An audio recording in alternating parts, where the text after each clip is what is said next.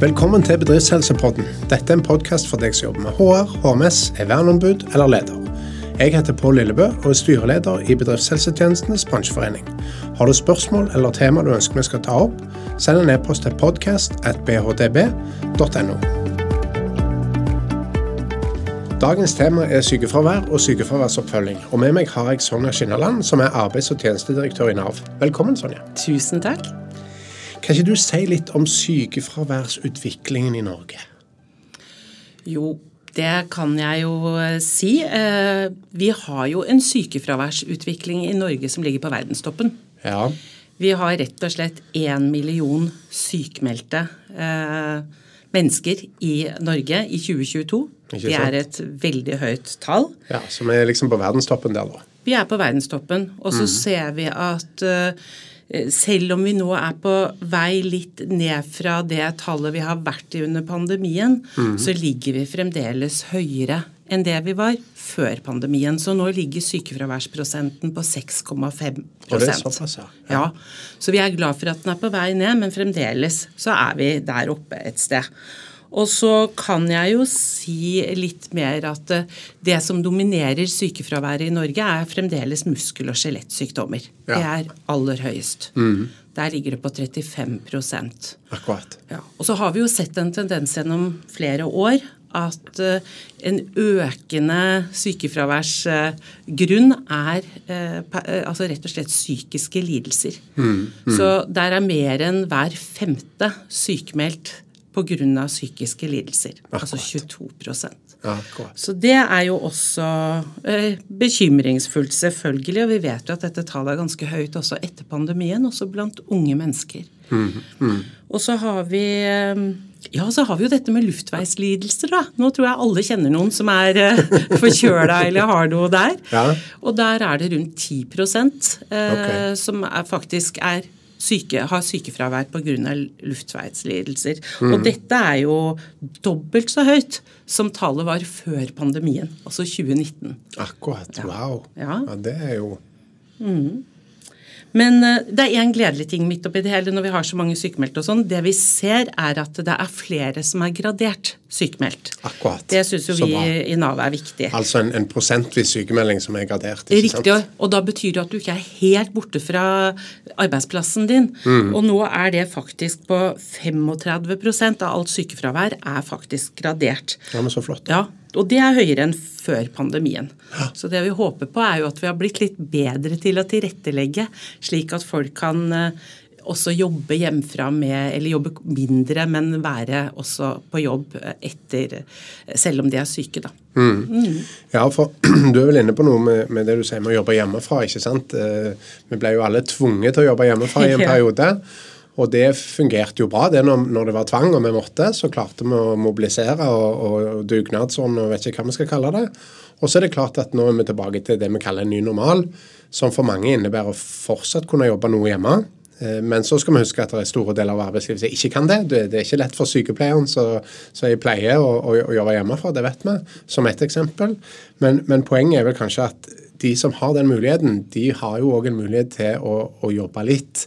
Eh, Og trenger ikke å komme seg til jobb med sin forkjølelse og feber eller muskel- og skjelettlidelse eller hva det måtte være. Riktig. Og da blir jo ikke terskelen for å jobbe litt så høy som den var tidligere. At Akkurat du liksom måtte komme og egentlig føler deg litt for dårlig til å reise og komme deg på jobb og være der hele dagen. Ikke sant? Så nå har man en mulighet til å allikevel får bidratt en del, og det er jo viktig. Mm. Selv om man også får tid til å hvile og samle seg litt. Ja. Hva tenker du om du sier det med psykisk helse? Det er jo, det er jo en litt sånn skummel eh, utvikling.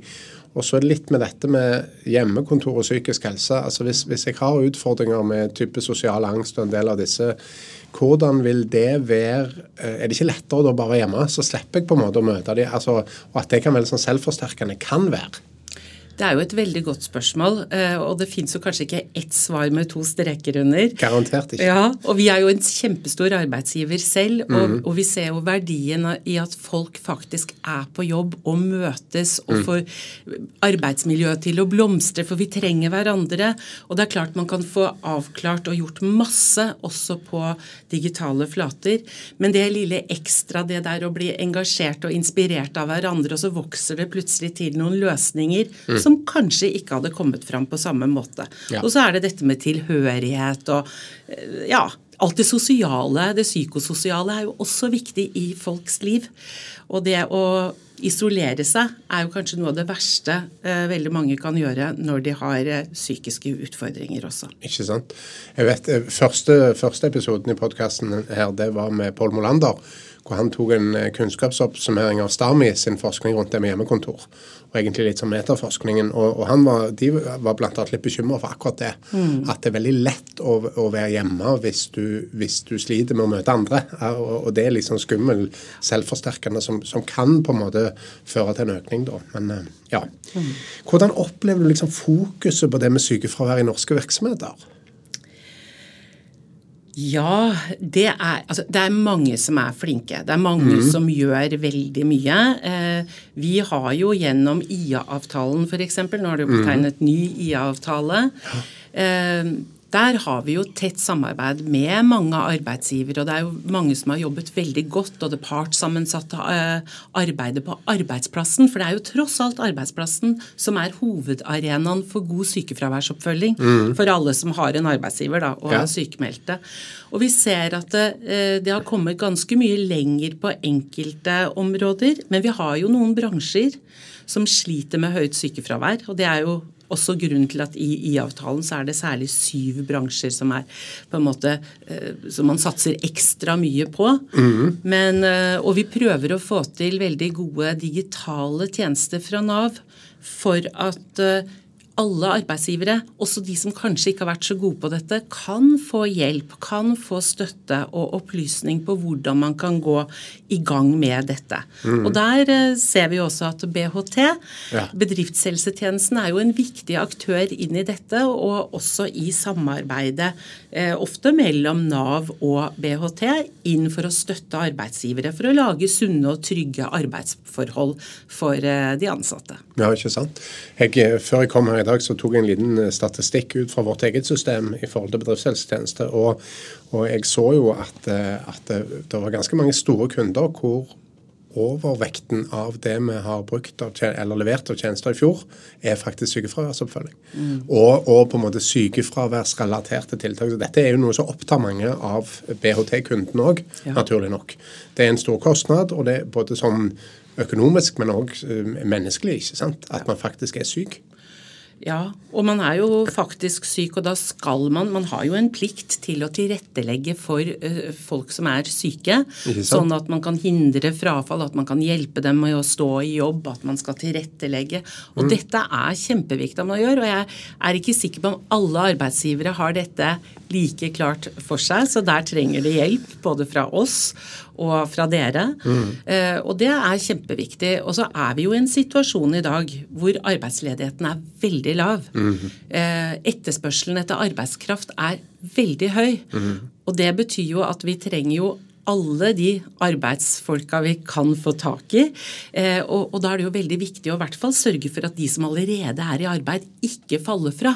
Hvis det ikke er absolutt liksom, situasjonen er sånn.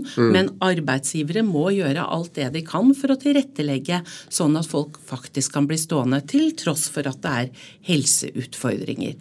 Og noen ganger så ser man jo at det er ikke så veldig store eller vanskelige grep, men det er dette her å jobbe eh, systematisk med det, være der for medarbeiderne, mm. følge med på når det faktisk melder seg noen behov. Ikke sant? Kan ikke du si litt mer om tilrettelegging? Hva, hva er typiske tiltak? Hva, hva er det man liksom Når du sier det trenger ikke være så komplisert heller. Hva, hva er god tilrettelegging, hvis vi skal liksom si litt om det? Ja, altså det er mange typer tilrettelegging. Én type altså, det er jo rett og slett å vurdere hvordan situasjonen til den enkelte er. Det er jo det Nav ofte gjør i, i disse situasjonene. Hva er, det, hva er det arbeidsgiver og arbeidstaker trenger støtte til for å tilrettelegge, slik at den enkelte kan være i jobb? Noen ganger så kan det jo rett og slett være at du har eh, fysiske utfordringer fordi du sitter og står feil, eller det er belastende og det går ikke i hop med de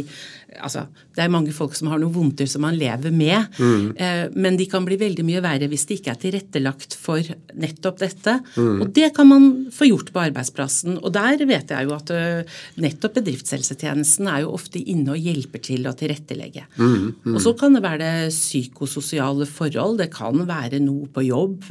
Enkelte kan jo, ikke sant, særlig nå kanskje også etter pandemien, du har vært mye på hjemmekontor, har kanskje ikke kommet helt inn i arbeidsmiljøet lenger. Mm. Der er det også noe med å tilrettelegge for god dynamikk på tvers, at man er med kanskje i arbeidsgrupper som fremmer også bedre samhandling med kolleger. Mm. Sånn kan det være. Og noen ganger så kan det være rent organisatorisk at uh, hvis man snakker sammen, at man finner ut av at man kanskje kan yte enda mer eh, i litt andre forhold i en annen del av organisasjonen. Mm. Så har man allikevel en arbeidstaker som kan yte masse, og som kan trives på jobb, men trenger de forandringene for å få dette til.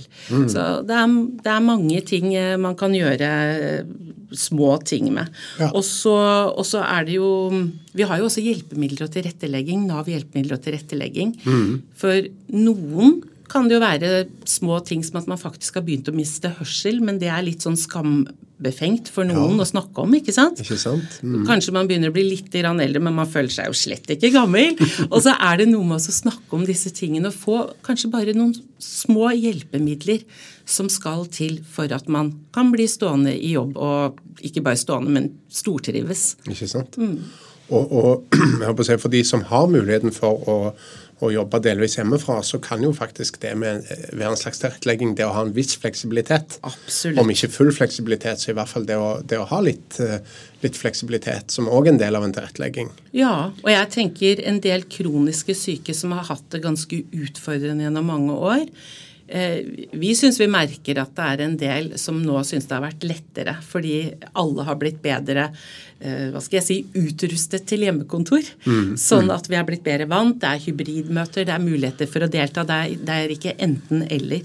Så jeg tror du har helt rett i det. Akkurat. Mm. Kan ikke du si, du sa litt om IA-avtalen og disse syv bransjene. Eh, hva, hva, er, hva bransjer hva er det, hvem er det, det er jo basert på litt sånn statistikk antagelig, og hvem som, hvem som har mest skader, sykdom osv.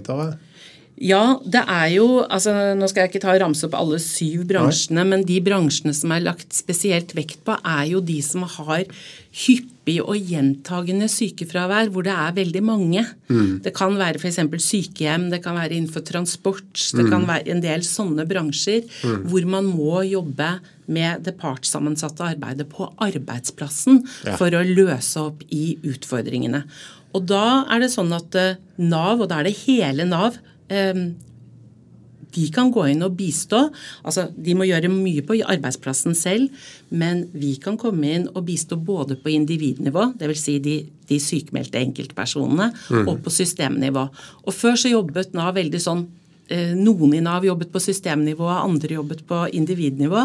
Nå har vi fått et oppdrag som innebærer at vi må jobbe mye mer samla rundt okay. dette. Og det virker jo for så vidt veldig logisk. Ja. ja. Og så har vi forskjellige eh, virkemidler inn i dette. og Arbeidsmiljøsatsingen er jo en av disse satsingene hvor, eh, hvor eh, partene i arbeidslivet går inn. Arbeidstilsynet, STAMI, altså Statens arbeidsmiljøinstitutt, og Nav og Petroleumstilsynet for å få virksomheter til å jobbe systematisk og kunnskapsbasert da, med forebyggende arbeidsmiljøarbeid. Så vi i Nav vi jobber eh, da på tvers og skal videreutvikle en koordinert arbeidslivstjeneste. Ja, mm. Spennende. Mm -hmm. Opplever dere i Nav at arbeidsgivere er flinke til å bruke deres kompetanse for liksom å redusere sykefravær, få medarbeidere raskere tilbake i arbeid?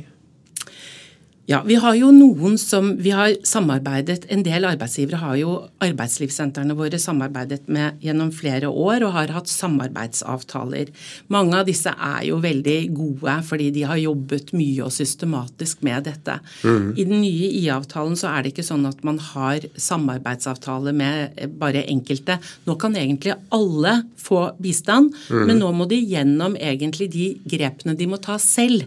Fordi det hjelper ikke å få inn noen utenfra fra hvis ikke man gjør jobben på arbeidsplassen. Nei. Så da kan de få hjelp til egentlig selvhjelp gjennom digitale løsninger. De kan få Vi har jo eh, sykefraværs eh, eh Altså Vi har nettsider som hjelper deg, som gir deg informasjon. Mm. Vi har uh, forskjellige støtteapparater som kan hjelpe deg, og Arbeidslivssenteret kan også komme og bistå. Men da må du følge på en måte noen sånne uh, milepæler, ja. og så kan du få hjelp hvis du ser at uh, ja, vi har jobbet med dette, men vi trenger allikevel mer hjelp. Og da kan vi gå inn og hjelpe til, både fra Nav-kontor og arbeidslivssenter og, og Nav hjelpemiddel og tilrettelegging. Ja, ja, så bra. Mm. Og jeg kjenner jo til fra bedriftshelsetjenestens side at, eh, at de som har jobba lenge og gjerne har vært eh, såkalt IA-bedrifter i den gamle avtaleperioden, hvor man måtte signere og følge opp og fikk en egen kontaktperson, at, de, at mange av de har jo jobba med dette som du sier, godt og lenge, og, og er blitt ganske gode, altså. Ja, og det som er viktig nå, er vel kanskje litt at også de som ikke har jobbet med dette, mm. eh, de trenger ikke, ikke sant? Det er jo ikke alle som har fått uh, like med seg at uh, du trenger ikke å være Det er ingen IA-bedrift. Alle er i utgangspunktet ja, det, hvis du trenger uh, hjelp. ikke sant? Mm. Så, og da er det lett å få hjelp til å utføre det du må gjøre på jobben selv, og også få den bistanden fra oss hvis du da kommer dit at du trenger enda mer. Ja. Er det noen bransjer du vil si som utmerker seg, enten det gjelder positivt eller negativt, når det gjelder faktisk arbeid med, med sykefraværsarbeid og, og nærvær, som vi gjerne kaller det? He? At jeg har vært litt sånn tett på selv, er jo også da jeg var fylkesdirektør i Oslo, så jobbet mm. vi jo med denne nye IA-avtalen. Nå har det jo blitt en forlengelse på to år. Ja. Og det var jo litt rart, fordi at det kunne være samme bransjer som både var de beste og de dårligste. Ja, ikke sant? Ikke sant? For de som hadde jobbet med det over tid, sånn som sykehjem og barnehager, eh, kunne være innenfor transport. Bussbransjen osv. Men de som har jobbet systematisk med det, har jo liksom gått fra å ha kjempedårlige tall til å bli veldig gode. Mm. Men det er jo veldig mange som jobber innenfor disse bransjene. Så det er klart det er jo eh, et arbeid som må løpe hele tiden. Det er ikke noe du får gjort én gang, og så er du ferdig. Her må det liksom vedlikeholdes, og man må jobbe med folk hele tiden for å sikre at man har et trygt og sunt arbeidsmiljø. Ikke sant? Det er jo ikke så lenge siden han direktøren i Sporveien var ute og sa at eh, han, de var liksom beviset på at man trengte ikke anbudsutsette for å få jobbe med sykefravær og, og, og, på en måte nærvær, fordi at de hadde halvert sykefraværet i løpet av en fireårsperiode, eller hva det var, i Sporveien. altså. Og det er jo fantastisk, for mm. det, det viser jo at det virker. Ja. Så det å jobbe systematisk med sykefravær og arbeidsmiljøet, det er gull.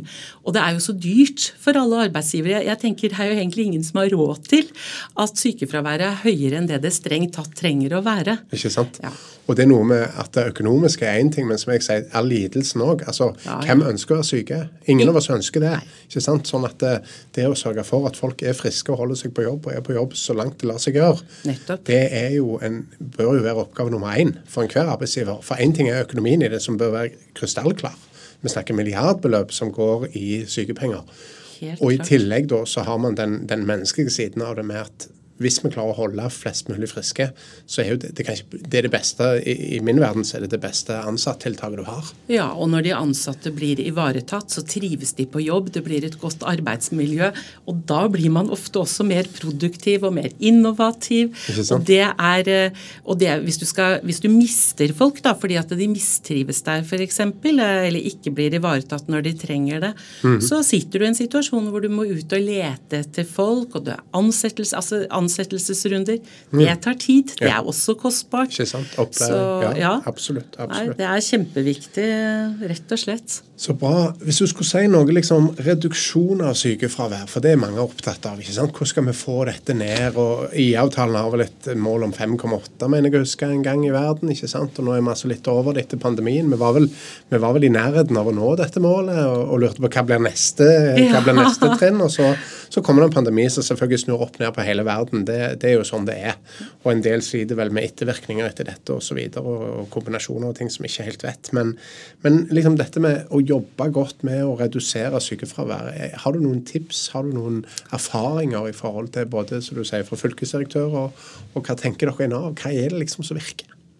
Ja, altså En ting som helt klart virker, og det har vi jo nettopp snakket om, det er jo forebygging og god sykefraværsoppfølging hele veien. Mm. Eller som arbeidslivssentrene har pleid å si i mange år, nærværsarbeidet mens ja. folk er på jobb før de blir syke. Mm. Og når de da blir syke, så er de godt uh, ivaretatt også allerede og vet at de kommer til å bli det. Mm. Og det at arbeidsplassen er det viktigste, altså det er den viktigste oppfølgingsarenaen. Mm. Det er viktig. Så det å ha med seg arbeidstakerne, ha med seg partene, jobbe godt med arbeidsplassen hele veien, det er en investering som nesten er uvurderlig i dette. Akkurat, ja. Og så er det jo det å huske på at IA-avtalen er for hele arbeidslivet. Jeg mm. gjentar det fordi eh, folk tror at det er IA-bedrifter ennå. Alle har ikke mm. fått dette riktig med seg. Det kom en pandemi i veien. Ja. Så det har jeg lyst til å si. Ja. Eh, og så har jo vi i Nav et bredt spekter under IA-avtalen av eh, virkemidler. ikke sant? Eh, og det, der følger vi opp både enkeltindivider og vi følger opp bedriftene systematisk mm. gjennom dette. Og så er det viktig at langtidsfravær når folk ja. er syke lenge. Og det er jo klart, folk blir jo syke. Mm. Um, og det er jo fortsatt lov å være syk? Det er fortsatt lov. For jeg tror at folk, all, altså, folk flest ønsker jo å jobbe. Ja. Det å jobbe da gjør man nytte for seg, man mm. hører til et arbeidsmiljø, og det forebygger også fattigdom. Så folk vil jo ikke være syke. Det er jo, Man vet jo ikke hvor glad man er for at man er frisk mm. før man blir syk. Nei. Nei. Men det som er viktig, er at selv om folk er alvorlig syke eller syke som tar tid, så mm. er det viktig å følge opp folk underveis og prøve å bryte opp det langtidssykefraværet, sånn at folk ikke ender opp med eh, lange Altså at de kommer helt på utsiden av arbeidslivet og ender rett og slett i utenforskap. Mm. Så prøve å ivareta, ha en liksom liten hånd inn hele veien, sånn at uh, man blir ivaretatt. Og det blir lettere å komme tilbake hvis man blir litt bedre og kan yte noe, om ikke helt. Ikke sant? Så den er viktig. Mm. Og så igjen det med å huske på eh, virkemidler og tiltak. Altså Vi har eh, selvbetjente digitale ressurser, vi har arbeidslivssentre, hjelpemidler og tilrettelegging, eh, og flere gode sånne nettsider som kan hjelpe folk eh, eh til å få gode råd. da. Hva kan vi gjøre på arbeidsplassen vår? Og så er det jo det at det å stå i arbeid i seg selv er helsefremmende. Ikke sant? Ja. Mm. Hva tenker du at bedriftshelsetjenestene kan bidra med i dette viktige arbeidet? Bedriftshelsetjenesten er veldig viktig, rett og slett. fordi at eh, bedriftshelsetjenesten kan jo bistå arbeidsgiver i arbeidet med å skaffe, eh, skape nettopp sunne og trygge arbeidsforhold i bedriften. Mm. Og eh, Bistanden til bedriftshelsetjenesten den skal jo være utløst av risikoforhold i arbeidsmiljøet som har betydning for eh, arbeidstakernes eh, helse. Mm. Og da er det mange som eh, kjenner på at de har utfordringer, og da kan de be om bistand fra dere i bedriftshelsetjenesten. Sånn som jeg selv vet at vi i Nav har gjort mange ganger, også som arbeidsgiver. Der hvor vi har behov, mm. så har vi sett at her trenger vi ytterligere hjelp, selv om vi har en viss kompetanse allikevel. Mm -hmm. Men vi trenger også det. Og da, vi, da kan BHT bistå oss med å se muligheter på arbeidsplassen, bistå i oppfølging av sykefravær F.eks. individuell eh, tilrettelegging mm. og bistand ved utarbeidelse av oppfølgingsplan. Og også hvis det trengs i dialogmøter som vi i Nav avholder. Vi avholder jo dialogmøter med de sykemeldte. Ja, hvordan er nå det? Der er det sånn eh, første møte uten dere, og så er det et møte sånn etter 26 uker, er det ikke det? Rundt et halvt ja, år? Ja, eller det er innen et halvt år. Så innen vi kan godt ha det mye tidligere. Hvis en av aktørene ønsker det, så kan vi ha det f.eks. i uke 17. Eh, det, når som helst, egentlig, ja. etter dialogmøte 1, mm. Eh, og før det har gått det, eller innen seks måneder, da. Ja, akkurat. Og da, da, kan det jo være at man skal ha med seg noen eh, sant, leger, spesialister eller bedriftshelsetjenesten f.eks. Mm. Alt som kan hjelpe til eh, å finne en god løsning for den sykmeldte. Ja, ikke sant? For Tidligere var det sånn at bedriftshelsetjenesten skulle være med på dialogmøtene. Nå er det ikke nødvendig sånn, er det opp til virksomheten å velge det. Ja. Og jeg vil vel si at når det kravet forsvant for en god del år tilbake, så, så gikk den pendelen litt i retning av at veldig få uh, skulle være med. Men nå syns jeg den pendelen har svingt litt tilbake. At nå blir BHT stadig invitert mer og mer med i dialogmøtene. Ja. Fordi vi ser nytten av å ha òg en litt sånn ekstern part som er helt uhilda, og ikke minst ha en helsebakgrunn som kan gjøre en, en litt annen vurdering. Ja, og jeg tenker, ikke sant, en, Enkelte sykemeldte kommer jo bare rett og slett tilbake til jobb ikke sant, når de er De trenger ikke så mye oppfølging. Men i enkelte situasjoner så er det ikke så lett kanskje å sette fingeren heller på hva som er de største utfordringene, og da er det kanskje flere aktører som trengs, og, det, og kompetansen for å hjelpe til og bistå til at eh, det føles trygt og godt å komme tilbake på jobb, og at man får den tilretteleggingen man trenger. Det er ikke alltid lett for arbeidsgivere heller ikke sant, å se hva er det som trengs her? For noen er det jo også kanskje litt sånn forbundet med vanskelig å si hva det er som ja, plager en, ikke sant. Mm, og, bedrift, og, som du sier, bedriftshelsetjeneste oppleves som veldig sånn nøytral og mm. kommer inn og kan bistå. Så det ser vi jo at i veldig mange tilfeller har veldig god effekt. Ja, Så bra. Hva tenker du om leders ansvar i det med sykefraværsoppfølging? Altså, Leder har et tilretteleggingsansvar. Og leder har også ansvar til å be om hjelp fra BHT mm. hvis de, å koble seg på hvis de ser at det er risiko for at man ikke kan klare dette på en god måte selv. Mm. Så, og det er, eh, det er et kjempeviktig ansvar at mm. arbeidsgiver skal tilrettelegge sånn at folk kan bli værende i jobb, og at man får tilpasset uh, oppgaver og arbeidssituasjon. Ja. Syns du ledere er gode på dette? uh, ja, altså vi er jo mange forskjellige folk, og vi er mange forskjellige ledere. Mm. Og, og, jeg tenker jo at man blir god på det man øver på. Mm -hmm. Så jeg vil vel egentlig si at uh, de fleste blir jo gode nettopp fordi at de har jobbet med det og øvd på det og blitt bedre systematisk. Mm. Så har du alltid noen hederlige unntak med noen naturtalenter. Men eh, det er klart at hvis man ikke jobber med det, hvis man ikke er bevisst på dette og klar over sitt ansvar, mm. så er jo sannsynligheten også ganske stor for at man kanskje ikke er den beste lederen i eh, dette arbeidet. Mm.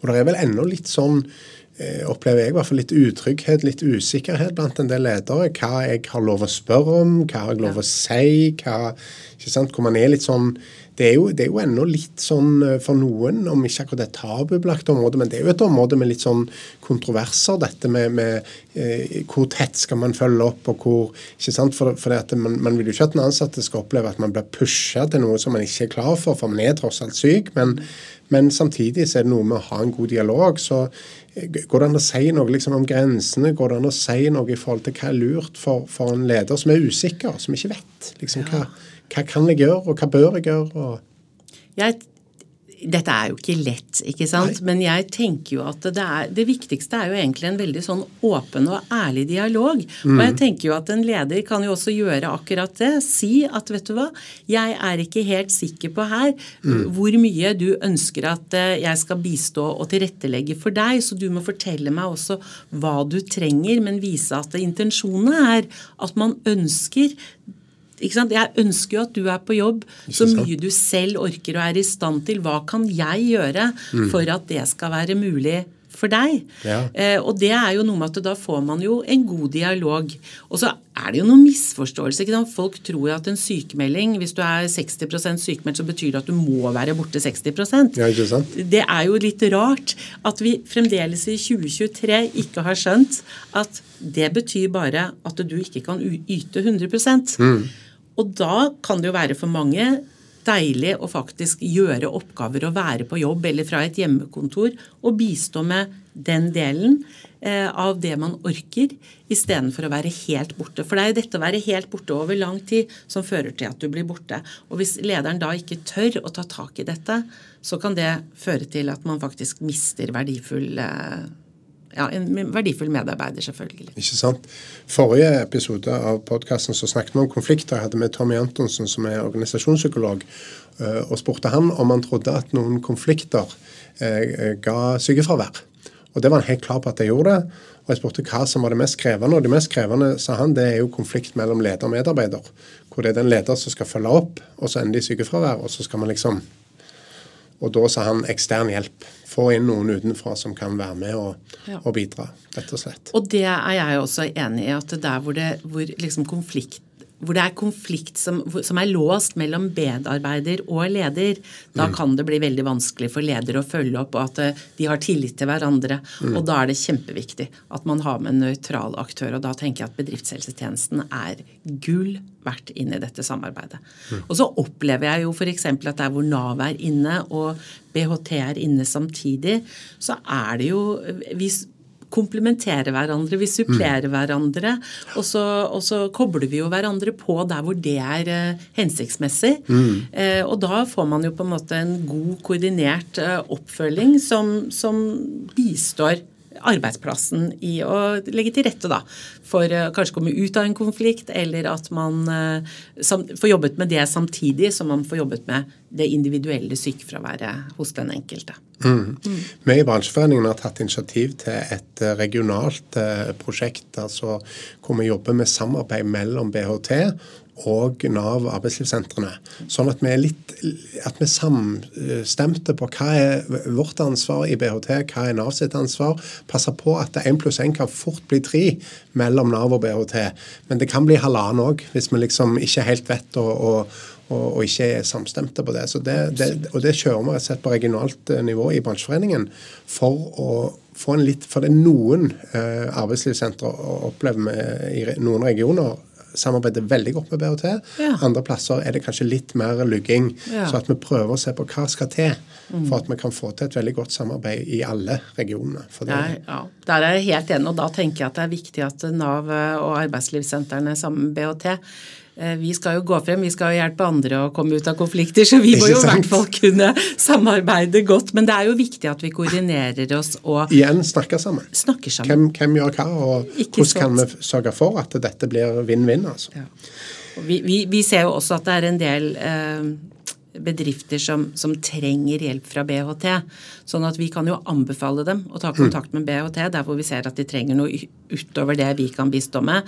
Og, og, men vi kan ikke bestille BHT for dem. Nei. Det må de faktisk gjøre selv. Det må de gjøre selv, men, men vi ser til stadighet at, at og, og, enda mer kanskje nå med nytt regelverk og mer fokus, så er det veldig mange eh, som kommer og sier du Nav sa at eh, vi burde ta kontakt med dere. Så det, eh, det ser ut som at det fungerer.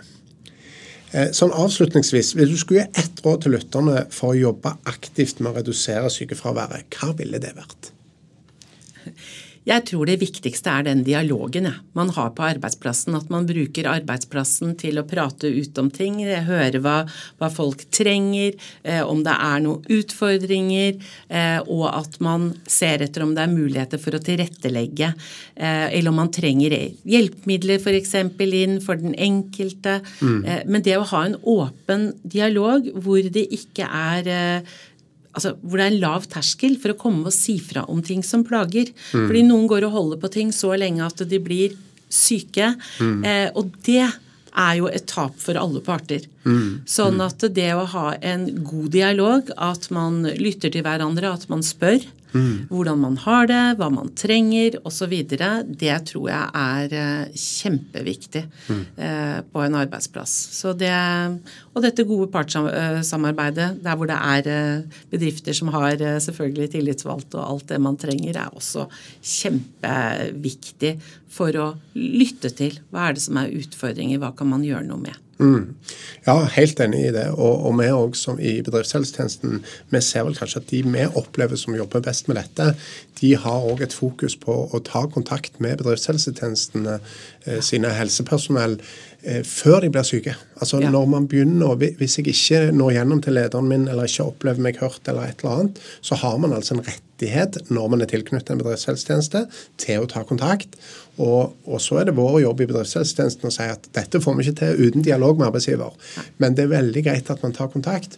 Og, og noen virksomheter de har jo f.eks. En, en time med en sykepleier, en time med en lege, bedriftslege, rett og slett som et forebyggende tiltak for å unngå at man blir sykemeldt. At man kan begynne å jobbe med det som begynner å plage meg, før det blir et stort problem. Og at man tør å snakke om det. At man har takhøyde til at det er greit. Ja, og Det er kjempeviktig. Og jeg tenker ja, det er viktig at arbeidsgiver tilrettelegger, men det er også viktig at de enkelte medarbeiderne selv sier fra. For dette, sånn er det jo med oss alle. Vi får faktisk ikke gjort noe med det vi ikke vet noe om. Ikke sant? Så det å prate sammen og få på bedriftshelsetjeneste hvis det er det som skal til, om det er noen hjelpemidler. Eh, Idébanken.org har Mm. masse gode tips til, til hva man kan gjøre og hva man trenger. Arbeidsmiljøportalen.no Ja, absolutt. Og selvbetjeningsløsninger.no også på, på, på Nav. Mm. Så, sånn at det fins veldig mye gode råd og, og hjelp. Så det viktigste er ikke, sant, ikke tenke at man forstyrrer noen, eller at det er noe stigmatiserende eller farlig. Dette kan man jo snakke én til én om. Mm. Si hva som er eh, utfordringene. Det, er, det å vente for lenge er eh, sjelden en god idé. Ja. Med de bevinga ord, Sonja Skinneland, arbeids- og tjenestedirektør i Nav, tusen takk for ditt bidrag til oppklaring av mye rundt et krevende tema som sykefravær. Tusen takk for at jeg fikk komme. Du har hørt Bedriftshelsepodden med Pål Lillebø. Dette var det vi hadde for i dag.